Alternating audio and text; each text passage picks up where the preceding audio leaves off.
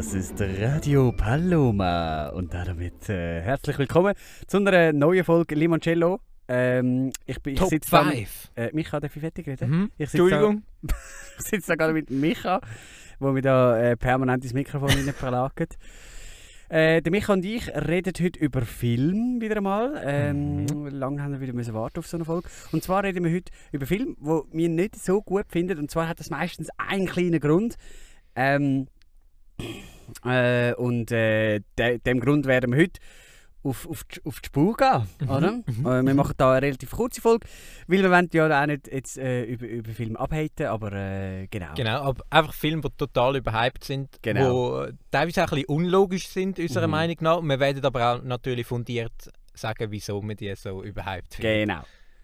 Nick, würdest du gerade mal anfangen mit, mit einem überhypten Film? Welchen Film findest du denn richtig äh, unlogisch oder dumm oder, Also, oder auch blöd? ein völlig überhypter Film aus einem ganz äh, kleinen Grund, wo ich, ich denke mir wieso checkt das niemand, ähm, ist Inception. Bei Mhm. Inception geht es ja darum, äh, es gibt so ein paar Hauptfiguren schön Mhm. und, die, äh, und die reisen ja in Träume von anderen Leuten, um dort äh, eine Information zu stellen oder äh, Information zu platzieren. Ähm, genau. Und am Schluss ist man sich nicht so ganz sicher, ist es alles noch ein Traum oder nicht. Ähm, auf jeden Fall, was ich komisch finde an dem Film, wenn sie ja in die Träume reingehen, ja. dann kann man ja am Schluss eigentlich sagen, ist ja eh alles nur ein Traum gewesen. Mhm. Dann ist es eigentlich völlig wurscht. Also ich meine, wach, wacht man halt wieder auf und alles ist in Ordnung, oder? Hey, du machst mir gerade den ganzen Film kaputt. Das stimmt eigentlich. Es ist, es ist, ich glaube, das Ja. hat sich eben noch gar niemand überlegt. Mhm. Es ist ein Film, der darauf aufbaut, dass die Leute ja träumen, aber wenn Ah, man nö. aufwacht, dann ist es eigentlich völlig wurscht. Das ist ja mega unlogisch ist dann. eigentlich völlig unlogisch, nicht? Mhm. Mhm. Ja, richtig dummer Film, Inception. Richtig dummer Film. Soll ich, soll ich weitermachen mit einem auch richtig dummen Film? Ja, mach doch gerne weiter. Ein Film, den ich richtig dumm finde, ist Herr der Ringe. Mhm. Vielleicht schnell zur Erklärung, ähm, zur Einordnung, damit auch alle wissen, um was es geht in dem Film. Es geht darum, dass da der, der wie heißt die Figur? Ich weiß jetzt auch nicht so Der genau. Frodo gibt's. der Frodo ist ein Hobbit und der geht einen, geht einen Ring, mhm. geht er in den Vulkan gorieren. Und Mhm. dafür nimmt er einen elendlangen Trip äh, auf sich, nimmt da weder Bro Brot noch Bratwurst mit. Also ich frage mich wirklich, von was der sich ernährt. Mhm. Aber das ist noch gar nicht so unlogisch. ja. Aha. Also klar, ist auch ein bisschen unlogisch, aber was ich mich gefragt habe, ähm, wieso gehst du auf so einen langen Weg zuerst mal barfuß? Mhm. Also das ist ja logisch, dass es so lange braucht. Ein paar neue Sneakers können anlegen, ja, stimmt. erstens mal das. Und zweitens habe ich mich gefragt, der, der Ring, den er will in den Vulkan rühren Mhm. du, rührt doch den einfach in die Schmine. Ja, stimmt. Sp- Spart er den Huren weg und rührt den Schmine. Ich verstehe, ich verstehe wirklich nicht, wieso der jetzt im Vulkan landet. Das stimmt. Das stimmt eigentlich. Ich finde es einfach unlogisch. Es macht überhaupt keinen Sinn. Ey, oder einfach sonst auf eine Kerze auflegen oder so. Mhm. Ja, also, also sonst kannst du auch den Gulli runterrühren. Ja, Von mir aus. stimmt. Das wäre so einfach gegangen eigentlich. Mhm. Aber das, das ist halt, wenn die Hollywood-Drehbuchautoren einfach gar keinen Plan haben von Drehbuch schreiben, ja. irgendetwas zusammenkonstruieren und dann etwas eingefettert. Wer So. auch überhaupt gar keine Ahnung hat von, von einer guten Story, ist der, der äh, Geschichte geschrieben hat von Back to the Future. Mhm. Weil äh, da geht es ja darum, der, der Doc Brown der erfindet eine Zeitmaschine, so ein Auto, wo, mit der kann man dann in die Vergangenheit oder in die Zukunft reisen. Und durch äh, doofe Missstände und so reist dann der Marty äh, in die Vergangenheit, lernt ja dann seine Mutter kennen und die verliebt sich dann in ihn und so weiter. Mhm. Und ich frage mich, ähm, also er hat ja so eine Zeitmaschine gebaut Mhm. und dann ganz viele Verstrickungen und so. Und ich denke mir so, man hätte die Zeitmaschine ja auch einfach nicht können bauen. Also dann wäre ja alles viel einfacher gewesen nachher. Stimmt, dann, dann hätte es gar kein Problem Dann gegeben der hätte es Vergangenheit. überhaupt gar kein Problem gegeben. Dann hätten sie ganz normal, dann hätten sie können äh, Schnitzel Gorgonzola Und, äh, essen. und, und wenn jetzt aber, lassen wir uns jetzt mal auf das Gedankenexperiment ein, die Mhm. haben die Zeitmaschine gebaut, was Ja, schon mal dumm und unlogisch ist. Genau. Jetzt, ähm, wieso sollte sich die Mutter in ihn verlieben, wenn sie die Mutter ist? Ich meine, wenn sie die Mutter ist, würde es, ihn ja gar nicht geben. Ja, stimmt. Ich meine, das ist ja völlig dumm. Oder? Mutter hätte sich auch können denken, «Hm, das ist ja mein Sohn, den ich da gesehen Ja. Eigentlich. Ich meine, sorry, sie gebärt ihn, zieht ihn da jahrelang auf und nachher verliebt sie sich in ihn. Ja, ist komisch. Ich, ich finde es unlogisch. Macht überhaupt keinen Sinn. Äh, vielleicht zu meinem nächsten Film. Ist jetzt Mhm. ein Trickfilm. Ähm, ich muss sagen, ähm, es ist nicht unlogisch. Mhm. Es macht schon alles Sinn. Mhm. Aber ich finde es ein bisschen unverantwortlich, was sie uns da vermittelt Oh, wird. okay. Und zwar ist es König der Löwen. Mhm. Und ähm, da, da hebt ja der, der, der König Löwe, also der, der Vater vom, vom, Kön äh, vom, vom anderen Tiger, vom, vom Loi. Der Vater Loi hebt seinen, seinen Sohn bei so einer Felswand einfach in die Luft. Ja. Und das finde ich einfach unverantwortlich. Äh, ich finde es verantwortungslos. Ich meine, hat das Gefühl, da der King Kong? Oder, äh, ich finde ich es einfach höchst... Äh, Das ist fragwürdig. ich finde die Message, die dabei sollte vermittelt werden finde ich fragwürdig. Ich finde es Mhm. unverantwortlich. Ich hoffe sehr für, den- für den guten Herr, dass er eine gute Haftpflicht hat. ja? Wenn da einmal, sagen wir mal, etwas abbröselt und die beiden Hurti äh, runterfliegen, Mhm. oder stell dir vor, er lässt so, so einen Mann fliegen. Mhm. Ist dann aber mit der äh, Hakuna Matata. Ja, wer weiß, Mhm. wenn er vorher die Hände mit Seife gewaschen hätte, dann wäre es ein bisschen glitschig gewesen. Ja, ich finde es äh, höchst fragwürdig. Mhm. Hast, du, hast du denn noch mehr Filme? Ja, ich habe ich ha mir Titanic habe ich mir angeschaut. Mhm. Äh, ich habe mir den Streifen gegönnt, habe ich mir angeschaut. Jo. Und dann habe ich mir so gedacht, mm, muss das jetzt am Ende sein, dass, dass das Schiff auch noch sinkt? Ich habe gedacht, die Geschichte gibt schon schon genug her. Muss das jetzt wirklich sein, dass das sinkt und dass da all die Leute noch abhauen und so? Ich habe am Anfang eine schöne Liebesgeschichte gefunden. Ich bin nicht einig mit dem Regisseur äh, für die Entscheidung zu denken, mm, jetzt lassen wir das Schiff noch untergehen. Ich hätte es nicht gemacht. Mhm. Kann, ist, ist ein Stilmittel, ist, ist eine Entscheidung. Mhm. Ich hätte es nicht gemacht. Mhm.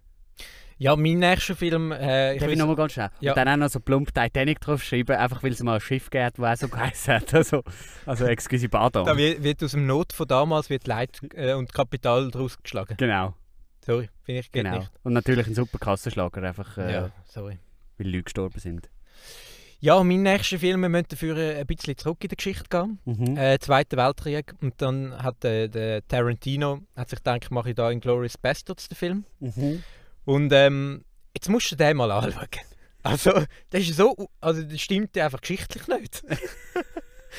ich meine, ich meine, der Hitler stirbt in einem Theater. Ja. Sorry, aber Das Quentin Tarantino, die Ignoranz, die du vorweisst, Einfach- vielleicht, vielleicht mal ins Geschichtsbuch hineinschmökern. ja, also eigentlich völlig dämlich. Ja, das stimmt also- ja nicht normal. Mhm. Ich finde einfach, wenn man schon einen Film macht über das Thema, vielleicht ein bisschen akkurate Geschichte. Mhm, Kenntnis. Mhm. Ja, also ich finde es auch unfair gegenüber all den Leuten, die damals gelebt haben. Mhm. Wo sich jetzt, vielleicht all die alten Leute, die jetzt noch leben, die den Film geschaut haben und schon ja, weil sie alt sind, schon ein bisschen verwirrt sind und nachher denken, hä? Wie, wie ist jetzt das nochmal abgelaufen? Jetzt bin ich selber nicht mehr sicher. Gerade äh, Brad Pitt, seine Figur. Mhm. Ähm, ich glaube nicht, dass die so dermaßen stark war. Ich glaube auch nicht, dass der Brad Pitt damals schon gelebt hat, so in dieser Form. Ja, äh, jetzt, jetzt, jetzt habe ich gehört, du hast auch noch einen, einen Film über den Zweiten Weltkrieg. Über den zweiten, ja, ähm, Schindlers Liste Mhm. heisst, äh, heisst der Film. Geht um den Herr Schindler. Ähm, der hat ein paar Juden gerettet, also ganz viele Juden gerettet vor, vor dem KZ, weil, weil er äh, die angestellt hat und so. Mhm. Und ich finde den Film an und für sich finde ich lässig, den finde ich spannend, den finde ich sehr schön. Mhm. Aber ich kann nicht verstehen, warum. Also ich meine, der Film ist glaube 1997 oder so gedreht worden. Mhm. Und dort hat es Farbfernsehen hat's dort schon gegeben. Ja. Äh, und trotzdem haben sie gefunden, nö, wir machen den Film schwarz-weiß. So dass die Leute, die ihn schauen, das Gefühl haben, ja, der Zweite Weltkrieg war ja alles schwarz-weiß. Dabei haben sie auch damals schon Farben gehabt, erstens. Und zweitens Ja. gibt es dann gleich so komische rote Tintenklecks, die mit im Film gewurstelt worden sind. Mhm. Also der, der das Color Grading gemacht hat, muss ich wirklich sagen, ich glaube, der ist ziemlich am Ziel vorbei. Richtig schlampig geschafft. Richtig schlampig geschafft, ja. Muss man wirklich so sagen. Ja. Also, unglaublich. Das ist äh, katastrophal. Du hast noch einen letzten Film, oder? Ja, ich habe ich hab mir noch einen Actionkracher ausgesucht. Ja. Äh, ich, bin, ich gehe da mit Fast and Furious rein. Mhm. Ähm, und zwar gibt es da, ich weiß jetzt nicht mehr welcher Teil es ist, irgendwie Teil 7 oder so.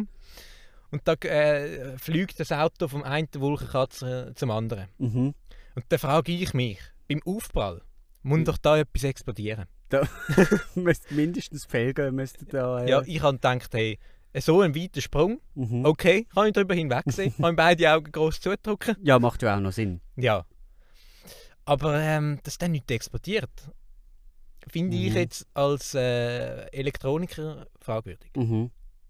Ja, sehe ich auch so. Ähm, Habe ich mir auch gedacht. Weil der Sprung an und für sich ist akkurat, der macht ja Sinn. Einfach dann das Aufprallen ist irgendwie... Fliegt ja nicht aufwärts oder so, fliegt schon Nö. richtig äh, fliegt, senkrecht. fliegt schön geradeaus, Ja, ja. ja. Eigentlich. Ähm, so auch Arche Noah, ein Film, äh, äh, wo es um, halt, ja, um, um die Arche Noah geht. Mhm. Äh, es regnet ganz fest und Gott sagt, hey, hoi, äh, Noah, äh, bau doch bitte eine Arche. Da Mhm. können dann all die Tiere schön drauf und ein paar Menschen. Und nachher regnet es ganz fest und so. Äh, und dann macht er das, dann baut er das. Und ich sage mal so, der, der Jungspund hat das ohne Anleitung gemacht und ein super Schiff her, her, hergebrutzelt. Ein Schiff, das verhebt hat, ein Schiff, das schön war, muss ich sagen, mh, wann, wann hat das gespielt? Das hat irgendwie zwölf äh, Schieß mich tot hat das Hat es gespielt. dort schon Nägel gegeben, ist die Frage. ich glaube nicht. Nein, ich glaube auch nicht. Ich glaube auch, dass es dort noch nicht Holz gegeben hat. Nein. Also klar, es hat Bäume gegeben, Ja. logisch. Aber es hat noch keine Werkstatt gegeben, die das hat können verarbeiten die haben das ja, die haben das ja einfach so gebaut. Ja. Und ich glaube nicht, dass die das ohne, also irgendjemand hätte ja mal eine Vision haben, jemand hätte eine Idee haben. Mhm. Und ja, klar, man kann jetzt sagen, ja, Gott hat es geflüstert, äh, aber wegen dem wissen die anderen gleich noch nicht Bescheid. Mhm. Und, und äh, äh, mindestens ein Schreinermeister hätte es ja kommen lassen. Ja. Aber der hat ja dann nicht aufs Schiff dürfen.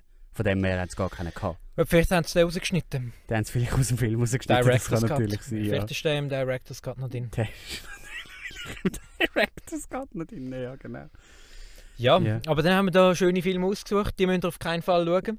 Ja, genau. Also, ja, es ist einfach, also, macht halt einfach keinen Sinn. Ja, klar, wenn man kann äh, äh, wirklich äh, alle Augen zudrücken, wo, wo man hat Ja. und, und einen das wirklich nicht aufregt. Ich sag mal, wenn man auf leichte Kost steht.